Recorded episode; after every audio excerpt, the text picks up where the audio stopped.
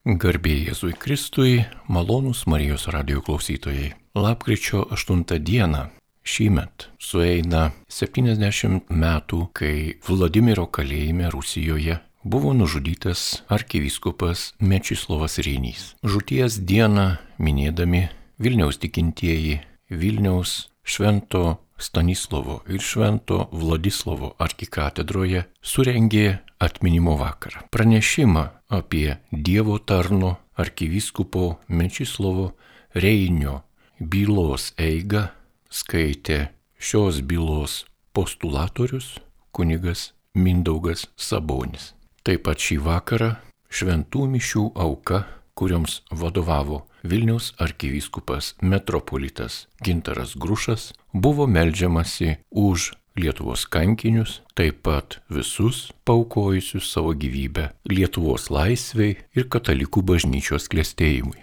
Maloniai kviečiame jūs pasiklausyti įrašo iš minėto vakaro.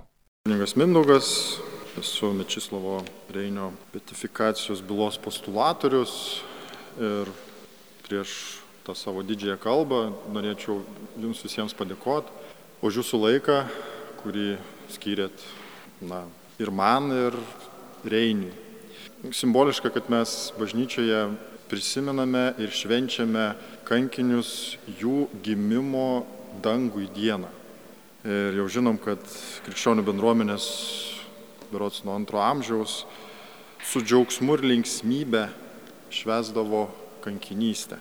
Yra likęs Kiprijono laiškas krikščionių bendruomenėms, kai imperatoriaus Dicėjaus persikimų metu jisai krikščionius ragino Pasižymėkite kankinystės dienas tų, kurie nužudomi, kad galėtumėte švęsti jų atminimą, minėdami šventuosius kankinius.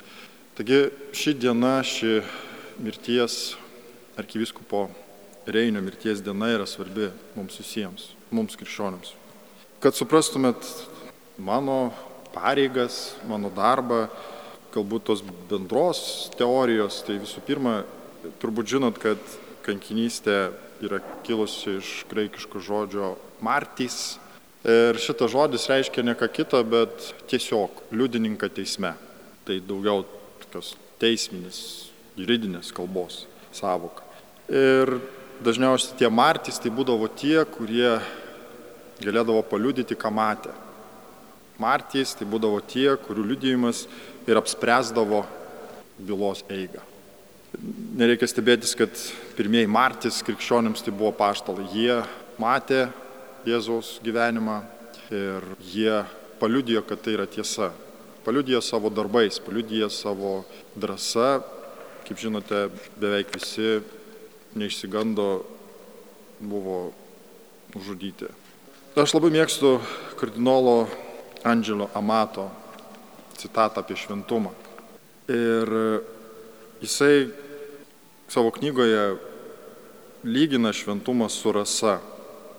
Ji matoma, tik ant rožės ji bus raudona, ant lelijos balta, ant pienės geltona. Šventieji tai konkrečių gyvenimui ir konkrečioje vietoje išreikšta Kristaus Evangelija. Jie geroji Jėzaus naujiena visoms tautoms ir pasaulio kultūroms. Kiekviena kultūra gali būti evangelizuota, nes meilė yra kalba, kurią supranta kiekvienas žmogus, o gerumo gestų nereikia versti niekam. Ką mes darome tokiuose bylose? Mums yra labai svarbu, kiek šventasis buvo savotiškai permatomas persmelkiamas Dievo. Pirmųjų krikščionių teiginys - Kristus in martyrė est. Jis reiškia ne ką kitą, o kaip Dievo malonės veikimą per vieną, kitą ar trečią krikščionį. Kodėl taip viskas atrodo įbrukta į kažkokį procesą, į, kažkokie, į kažkokius teisminius rėmus? Teisė mėgsta tikslumą, teisė mėgsta tai, kas yra apčiuopiama ir matoma. Kai mes kalbam apie šventumą, šventumas negali būti nematomas. Žmogaus vidinis grožis, žmogaus drąsa, kaip taisyklė, ten, kur būna to žmogus, ten, kur būna, toje aplinkoje jisai ir vienai par kitaip ir liudyja ir Dievo išminti, ir Dievo malonę, ir dieviškai teisingumą. Visas šitas mano įvadas pakankamai ilgas, bet aš labai noriu, jog jūs suprastumėt, nėra vienodų kankinių, nėra vienodų šventųjų. Ir jeigu palyginimui, aš galiu turbūt palyginti, nes buvau ir Matulionio postulatorius, Matulionis, jisai, jisai charakteriu buvo visiškai kitoks. Matulionis, jis, jo, sakykime, veikla buvo nukreipta daugiau pastoracija. Tai Reinys, jis ir kalbėsina jo kitokia. Ir palikimas, ypač jo rašytinis palikimas yra kitoks. Ir darbai nuveikti visai kitokie. Ir nebūtinai susijęti su kunigystė ar su viskupystė. Taigi grįžtant prie kardinolo mato to, tos gražios alegorijos, žinot, tas šventumas, jis gali būti ir ant, ant Matulionio, ir ant Reinio, ir ant e, Borisevičiaus, ir ant Dirsytės, ir jis bus ir vienodas, ir turės visai kitas spalvas. Gali būti, kad kai kuriuose gyvenimo etapuose kankinių biografijoje šventumo nebus matyti. Ir tai nėra katastrofa, tai nėra tragedija. Aš nesu Vilnietis, nesu iš Vilnius viskupijos. Todėl aš galiu drąsiai paimti ir pasakyti, nes iš šalies geriau matos. Jūs Vilniečiai bijot Reinio. Aš pats esu girdėjęs sukurtų mitų ir pasakų apie tai, jog Reiniui kažko trūksta, e, Reinys kažko padaręs per daug ar per daug nepadaręs. Dar kartą pasikartosiu. Kankinystėje pats svarbiausias momentas, pati kulminacija to, tos dieviškos malonės veikimo - tai kankinio drąsa. Tai kankinio gebėjimas kankintojui pasakyti, aš lieku su bažnyčia, aš neįsižadu Kristus. Nežinau, kiek mums laikas leis, bet aš jums norėsiu paskaityti kai kuriuos raštus, citatas. Šią platformą šiuo laiku, kurį man skyrėt, aš tikrai nenoriu naudoti, nenoriu naudoti tam, jog parodyčiau jums, kiek aš daug žinau apie Reinį, o jūs galbūt nežinot. Reinys, vat, kaip tik prieš irgi man ateinant kalbėti, e, dar kartą įsitikinau, kad Reinys, tai jis, jis yra asmenybė, kurią galima žvelgti, žvelgti iš, iš įvairių pusių, įvairių rakursų, galima vis kažką atrasti ir atrasti. Įvairius jų gyvenimo laikotarpiai yra be galo įdomus. Tačiau aš pats, kol dar turiu laiko, norėčiau padėkoti visiems žmonėms, kurie jau domėjosi Reiniu ir padeda tokiems kaip man, kunigui, ne istorikui, ne psichologui, ne pedagogui, ne visuomenininkui, tokiems kaip man geriau pažinti ir suvokti, kokį įstabų ir didį vyskupą mes turėjom savo tarpę. Koks vyskupas išprusęs, drasus, tiesia kalbis, būdavo čia šioje katedroje aukodavo mišes, vaikščiojo šitomis gatvėmis, kuriomis mes vaikštėme. Taigi pilnai sutinku, kad mes apie Reinį žinom mažai, kalbam mažai. Tai patvirtina ir Vanda Ibenska, kuris savo straipsnėje Bernardinuose konstatuoja, apie jį žinome per mažai, domimės per mažai, o mūsų dvasininkyje ne tik per mažai, bet ir visai menkai deda pastangų, kad jis būtų iškeltas į altorių garbę. Taip, taip. Aš labai džiaugiuosi, jog buvo tokių žmonių, kurie dėjo visas pastangas ir ypač akademiniai plotmėje, akademinėme pasaulyje platino žinę apie, apie mūsų reinį, apie Dievo tarną reinį. Tai visų pirma, didelis, didelis ačiū e, Vasiliauskinė Aldonai, Algirdas Gaižutis. Jis apie Reinį rašo ir Reinį mato kaip neotomistinės filosofijos pradininką. Mokslo žmogui Reinys tai fundamentalaus sisteminio, o ne mozaikiško išsilavinimo žmogus. Aramavičiūtė Vanda, Pupšys Vladas mato kalbą apie Reinį kaip apie pedagogą. Butkienė Ona, Gedrutė Katilytė Rita, Monaitė Junona, Tjūninė Ona mato Reinyje ir atranda jame kaip, kaip, kaip pedagogą. Ona Tjūninė, ji teigia, jog nepil, nepelnytai užmirštas reinys, jo indėlis į psichologijos mokslą, apskritai pedagoginę psichologiją. Jis dėjo šio mokslo pagrindus, kūrė jo sistemą. Kasparavičius Algymantas, jis apie Reinį kalba kaip apie diplomatą. Dirbdamas užsienio reikalų ministerijoje, Reinys iš esmės laikėsi savo ankstesniais metais uoliai puoselėto sketiško katalikų dvasininkui būdingo gyvenimo būdo, moralinių etinių principų ir vilkėjo paprasta kunigo apranga. Sažiningai vykdė dvasininko pareigas, tačiau kartu gebėjo kurti ir nepriekaištingą valstybės veikėjo bei šalies diplomatijos vadovo įvaizdį.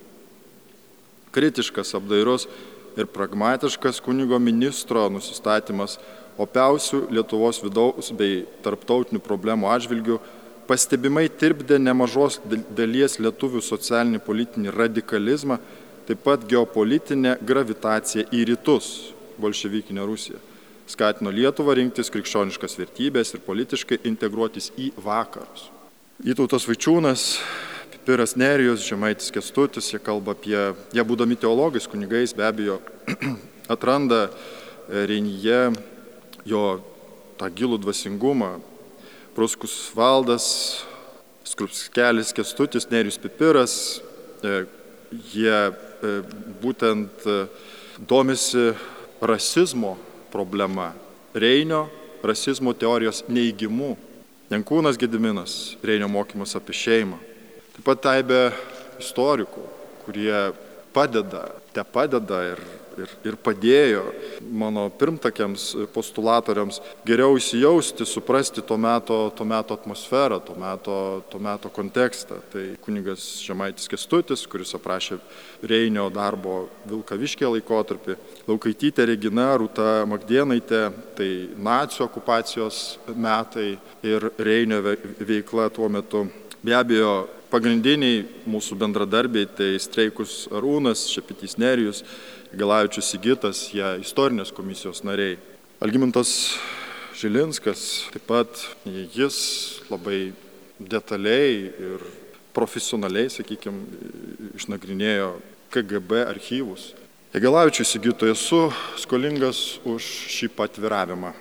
Reinys lietuvių okupantų statytinis lietuvių nacionalistų interesų reiškėjas ir netgi nacijų kolaborantas, ne tik prisidėjęs, bet ir organizavęs nacijų okupacijos metais akcijas prieš Lenkų dvasininkus rytų Lietuvoje. Šiuo eilučio autoriui beveik prieš 50 metų yra tekę Vilniuje pajusti tokio mito pėtsakus būtinėje aplinkoje.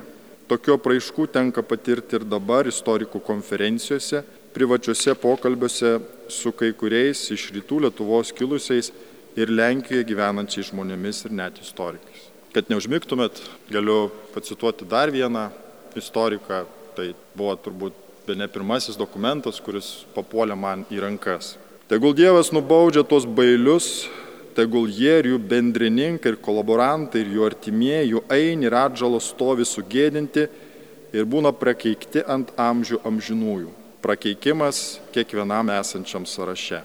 Jozef Melamed žydų istorikas, jis prideda sąrašą. Tame sąraše be kita ko yra įrašytas Reinys Mečis, vyskupas.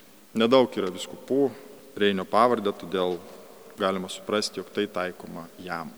Kaip matot, postulatoriaus darbas, ypač kai nesi stiprus istorikas, kai esi net ir net ne teologas, aš esu teisininkas, pradėjus postulacijos bylą iškart gali atsimušti kažkokius vaiduoklius, kurie atrodo labai baisius. Tačiau turbūt tai yra kiekvienos betifikacijos realybė. Arba, sakykime taip, kiekvieno švento žmogaus realija. Jis atsimuša į opoziciją, jis ne visiems patinka. Kiek yra teisingi šie teiginiai? Be abejo, jeigu mes turėtume laiko, daugiau ne pusę valandos mes galėtume labai detaliai ir, ir viską su tų ekspertų pagalba, būtent istorikų pagalba iš šios klausimus atsakyti. Kodėl aš jums tai skaitau? Ogi todėl, kad na, man pačiam šita byla nėra nuobodi. Man pačiam šita byla yra įdomi ir aš pats, sakykime, eidamas to pačio Reinio pėtsakais, aš daug, kaip kunigas galiu daug klausimų savo atsakyti. Aš nenoriu kartoti Reinio biografijos. Ją galite surasti bet kur. Tiesiog noriu galbūt pacituoti tekstą, kuris, kuris ir buvo tas variklis, tas impulsas pradėti judėti, pradėti kažką daryti. Tai buvo Šventojono Paulius antrojo pamokslas kryžiaus kalne.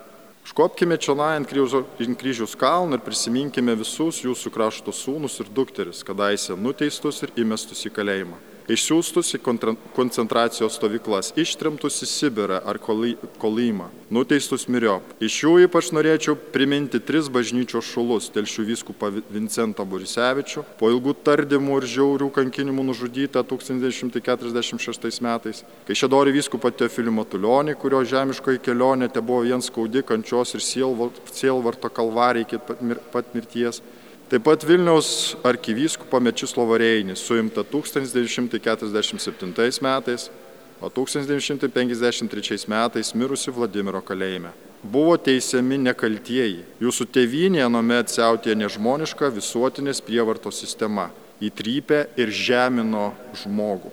Tų prievartos ir mirties baisybių išvengusiai suprato, kad čia pat juokise jų krašto žmonėms ir šeimoms pasikarto ir įsipildė tai, kas jau buvo atsitikę Golgotoje, kur Dievo sūnus priemė starno išvaizdą, kaip žmogus nusižemino tapdamas klusnus iki mirties. Turbūt arkiviskopo Reinio byla būtų kitokia arba net nebūtų prasidėjus, jei ne šio šventojo padrasinimai ir ne šio šventojo žodžiai. Kalbant apie Reinę aš jau minėjau, kad tai nebuvo vyskupas apsiribojęs pastoraciją ar teologijos mokslu. Reinys tai žmogus, kuris tiko visiems ir viskam. Pabaigęs filosofijos studijas, grįžta į Lietuvą ir mato, kad Lietuvai reikia psichologų. Pasineria į šią sritį. Paprašytas padėti kurti krikščioniškąją partiją jis puola į tą politikos erdvę. Ir ten tampa užsienio reikalų ministru. Reinys, kuris palikęs bent mums dabar, šiuo momentu mes esame surinkę apie 300 įvairius straipsnius jo rašytus. Tai straipsniai, kuriuose arkivyskupas nagrinėja jaunimo ūkdymo problemas, alkoholizmo, sveikatos klausimus, Lietuvos ir Lenkijos, bei lietuvių ir lenkų santykius, Lietuvos valstybės, jos valdymo valstybių, institucijų funkcijas, demokratizmo, žmogaus teisų ir pareigos klausimus, patriotizmo ūkdymo būtinybę. Yra straipsnių skirtų tautų sąjungos istorijai, žemės klausimo sprendimo būdams Lietuvoje gyvenančioms tautoms apžvelgti belaisvių pavyzdžiai skleisti straipsniai, skatinantys ieškoti gėrio ir grožio, proginiai straipsniai ir kiti aštrus ir aktualūs klausimai. Kodėl savo kalbą aš pradėjau nuo padėkos tiems mokslo žmonėms, kurie rašė apie Reinį.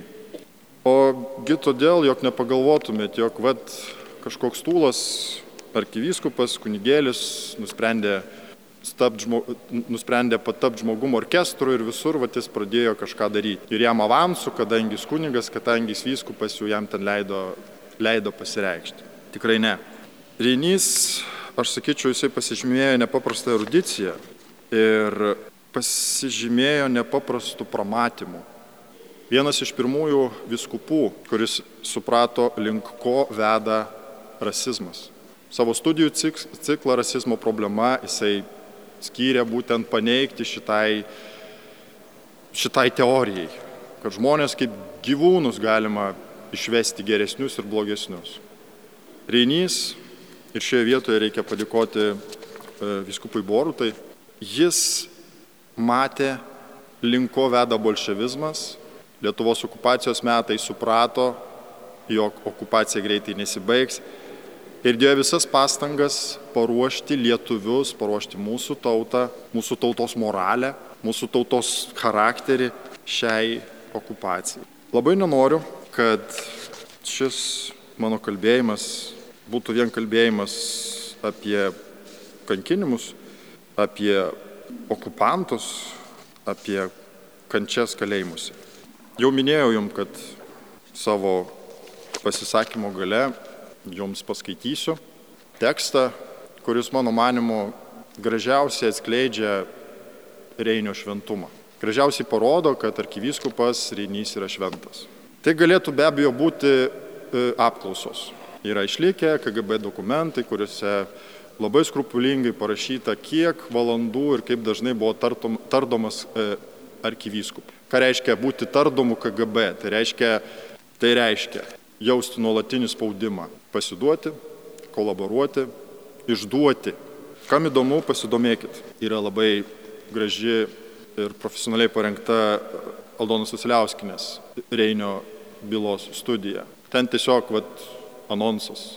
Kai kurios apklausos tęsdavosi po septynias valandas, įsivaizduokit. Būdavo taip, kad Reini apklausos būdavo naktį. Būdavo taip, kad į paryčiais parveda, o tą pačią dieną vėl veda apklausą. Tekstai yra skurdus, per apklausą parašyta mažai, o tai reiškia ką? Tai reiškia, arkivyskupas turėdavo nuolat klausytis grasinimų, nuolat klausytis to, to sovietų funkcionierių, viso, viso to turbūt, ką, ko klausė kiti kaliniai.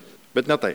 Tai yra, aišku, mums visiems gražus liūdėjimas, jog Reinys neįsigando, jog Reinys drasus, stiprus ir be abejo kankinys. Kodėl man Reinys yra šventas?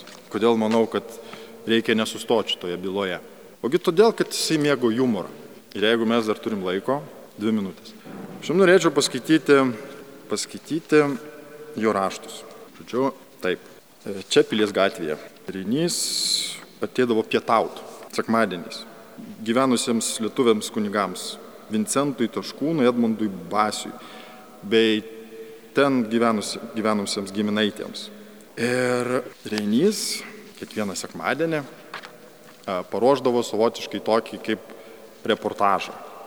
Tokis tekstas, kuriame, na, Reinys kaip žurnalistas, jisai jisai, jisai kažką klausė, kažką pasakoja su tokiu labai pakeltų tonu ir tas žinoma būdavo tiesiog, tiesiog kad smagiai pavalgyti, smagiai papietauti. Naudoja be abejo e, slapyvardžius, nu neslapyvardžius, pravardės. Tai dėdžiukas tai buvo vienas iš tų kunigų. Tai vad pasiklausykim teksto. Dėdžiukas norėjo padaryti tikrą perversmą pasaulyje, nors savo dvasia taikus žmogus ne revoliucionierius Viso pasaulio miestelėnai gerai žino, kad krosnis galima kurianti anglimis, bet kad būtų galima krosnis kurianti vandeniu, tai niekam netėjo į galvą, o didžiukui atėjo. Mano, sakau, kad būtų nesvietiškas patogumas vandeniu kurianti ir pigu, ir nedaug darbo. Ir kodėlgi negalima kurianti, juk mirkytos anglis geriau ir kaitriau dega. Taigi nieko nelaukdamos ir šiptelėjo kibirą vandens ant anglių degančių į krosnyje. Kad ir pagal dialektinį metodą priešingumai jungiasi viename daikte, tačiau ugnis ir vanduo krosnyje nesijungia.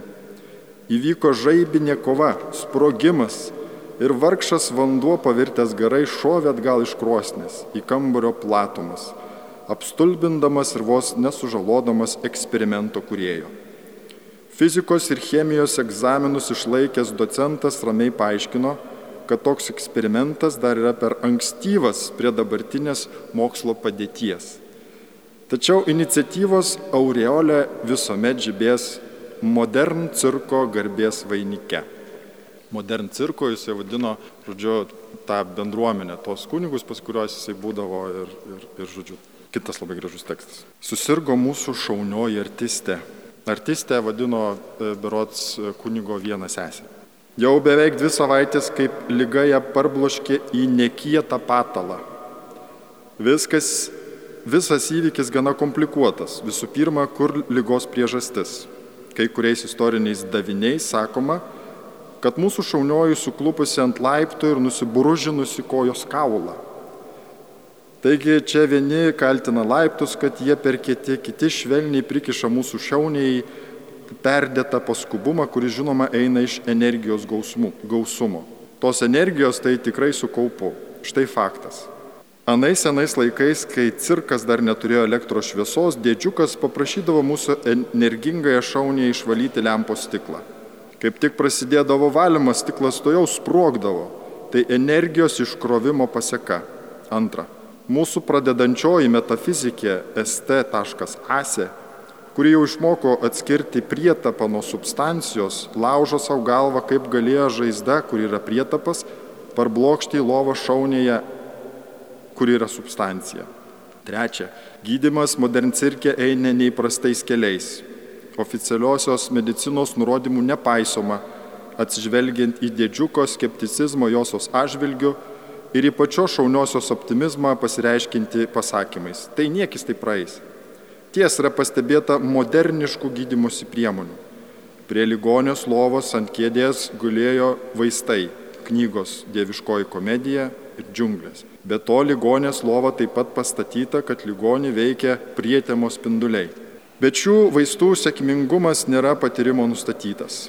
Teko nugirsti, kad buvęs pavartotas vitaminas V, skliaustelėse vynas, jam daug kas pritarė, gal ir padės kiek. Dėdžiuko silomieji vaistai, kneipiškos žolelės ne visus įtikina. Ketvirta. Ligonės energija visus stebina. Gulėdama paslika lovoje dalyvauja cirko problemų sprendime Kai reikėjo vykti į komisiją, ėjo tiesi kaip žvakė, kaip greita, kaip kalnų stirna. Ačiū už kantrybę. Galbūt daugelis iš jūsų tikėjotės kitokio pasisakymo, kitokios paskaitos konferencijos. Mano labai labai didelis noras, kad visų pirma jūs nebijotumėt. Nebijokit susidraugauti su Reiniu. Antras dalykas, mano labai didelis prašymas, kad jūs, kurie tikit, kurie melžiatės, Taip pat pasimelstumėt ir už mane. Mane, kuris čia šiuose dokumentuose, dokumentų jūroje kapinėjos tvarkausi. Ir trečias dalykas - tikėkit. Tikėkit, jog, jog mums pavyks. Pavyks netiduoti Reinio istorijai. Pavyks jį išsaugoti. Kaip įsaugoti, labai, manau, nesunku. Tiesiog pradėkit jo domėtis. Tiems, kuriems reikia herojiško, gražaus, drąsaus vyskupo, reinys. Tiems, kuriems reikia inteligento, tarp kitko jo raštus galima skaityti ir dabar, reinys. Tie, kurie domitės istoriją, tuo sunkiu Lietuvos istorijos metu, kai Lietuva krypo į, į pati tiesiog ėjo į tą bolševikų glėbį. Kas padėjo? Reinys. Jeigu mėgstat humorą, vėl galima su Reiniu ir pasijuokti. Tai vad, draugaukit su juo. Ačiū. Brangus broliai ir seserys, šio vakaro pirmajam skaitinyje mes girdim, kaip apaštalas Paulius pakartoja Jėzaus žodžius, kad įstatymo pilnatvė yra mylėti artimą kaip save patį. Kai Jėzus Apie tą kalbėjo jo paklausė, o kas yra mano artimas? Mes dažniausiai apie artimą galvojam kaip apie tą, su kuriuo mes einam per gyvenimą. Mes apie artimą su tuo, kuo mes susitinkam gyvenime. Kaip ir per Jėzaus palyginimą. Bet gal iš tikrųjų mūsų artimas yra daug platesnė savoka.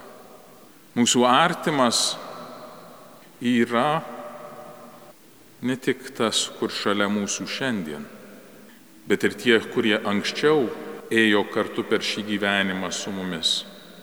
Tie, kurie ėjo žemės kelyje prieš mus. Ir mano artimas taip pat yra tas, kuris ateis po manęs. Nes krikštas sujungia mus į vieną kūną, vieną Kristaus kūną. Kas artimiau man negu kitas mano kūno narys. Todėl turime mąstyti apie meilę plačiau negu esame įpratę. Turime mąstyti ne tik savo tarpusavio santykiuose, bet kaip ir popiežius Pranciškus mums primena, turime mąstyti apie pasaulį kurį paliekam ateinančiom kartom. Turim vertinti dalykus, ale mes būtumėm jie.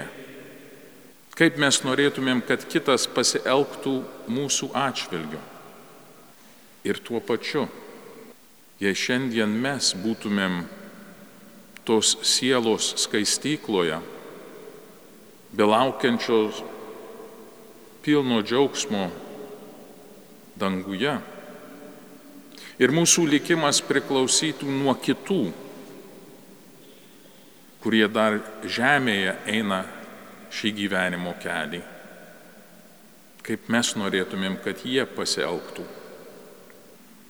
Nebūkite kitiems skolingi, be netarpusavio meilės. Ta, ką mes darom, susirinkę meldžiant užmirusius, yra tos skolos atmokėjimas. Meldžiamės už tuos, kurie buvo mūsų gyvenimuose arba dėl kurių mūsų gyvenimas yra toks, koks yra. Mūsų šeimos giminės nariai. Meldžiame už tuos, kurie kovojo, kad mes galėtumėm gyventi laisvai šiandien. Meldžiame už tuos, kurių įnašas anksčiau leidžia mums pažinti ir pamilti Dievą šiandien. Ir ten yra skola. Skola, kurią mes atsilyginam malda, mišių aukoje. Padedant jiems, kad jie pasiektų tą pilną džiaugsmą. Ir tai yra meilės ir artimo meilės išraiška. Evangelijoje girdėjome apie pačius svarbiausius dalykus kad Kristus turi būti pirmoji vietoje. Mes einam gyvenimo kelionėje, kuri veda pas jį ir mes einam tą kelionę su juo. Ir einant kartu, mes esame kviečiami branginti jį labiau už viską. ir kviečiame nešti savo kryžių. Tai yra meilės kaina. Meilę mes dažniausiai gaunam veltui, jei tikroji meilė. Bet mylėti kitus reikalauja aukos. Šiandien prisimindami arkivyskupą Mečislovą Reinį, mes prisimename tą kryžių, kur jam teko nešti. Jis daugelį kryžių nešė savo gyvenime, kaip girdėjome prieš mišes, apie jo nuveiktus darbus, kurie reikalaujo, reikalavo aukos. Bet jo didžiausia auka buvo nelaikyti savo gyvybės aukščiau ar brangiau negu Jėzų. Ir tą girdėjom šiandienos Evangelijoje. Nei tėvas, nei motina, nei savo gyvybę, jei kas brangina labiau už mane. Ir mes dažnai nesirenkame savo kryžių, bet jį prieimame, kaip per gyvyskupas Mečislovas padarė. Nuo savo kryžiaus nepabėgo, bet jį apkabino ir prieėmė tą likimą, kur viešpats jam buvo paruošęs. O mes prisiminėme juos visus savo maldoje nes tai yra gyvas santykis. Mes turim gyvą santykį su tais, kurie yra iškeliavę. Nes ta gyvybė yra pats Kristus. Ir dėl jo mes turim tą gyvą santykį, kurį mes ir toliau puoselėjame savo maldose, o jie už mus. Globoja. Mes melsimės prašant jo pakelimo į šventuosius ir klaunamės, kad jis ir toliau rūpinasi tą vyskupyje, kurią jis vadovavo. Tų maldų svarba ar bendrai maldos svarba pabrėžė šventasis tėvas lakryčio mėnesio intenciją. Ir manau, kad tai buvo drasus popiežiaus žingsnis paskirti lakryčio mėnesio intencijas melstis už popiežių, ar kai jis sakė, šiuo metu aš einu tas pareigas, bet melskitės už popiežių, kas jis bebūtų. Melskimės ir už mirusius, ypač šį mėnesį. Kaina nemaža. Ir turime paskaičiuoti, ką reiškia mums būti krikščioniu. Jėzaus pasakymas šiandienos Evangelijoje yra sunkus. Ir kviečia mus reflektuoti, paskaičiuoti, kokia kaina yra. Būti pakrikštytų, būti krikščioniu, būti prieimus sakramentus neužtenka. Ateiti ir sukalbėti maldas neužtenka. Krikščioniškas gyvenimas apima daug plačiau. Apima ir liturgiją, Dievo šlovinimą, apima ir martyriją, liūdėjimą, evangelizaciją, būti tuo ženklu pasauliui Kristaus buvimo, Kristaus viešpatavimo. Būti krikščioniu reiškia, kad mums reikia ir diekonijos ar tarnystės dvasia. Tarnauti vargšams. Ir tai nėra pasirinktina. Jėzus atėjo į pasaulį skelbti gerąją naujieną vargšams. Tad ir mes, kiekvienas savo būdu, savo ruoštu turime tą daryti reikia ir bendrystės. Krikščionis negali būti vienas.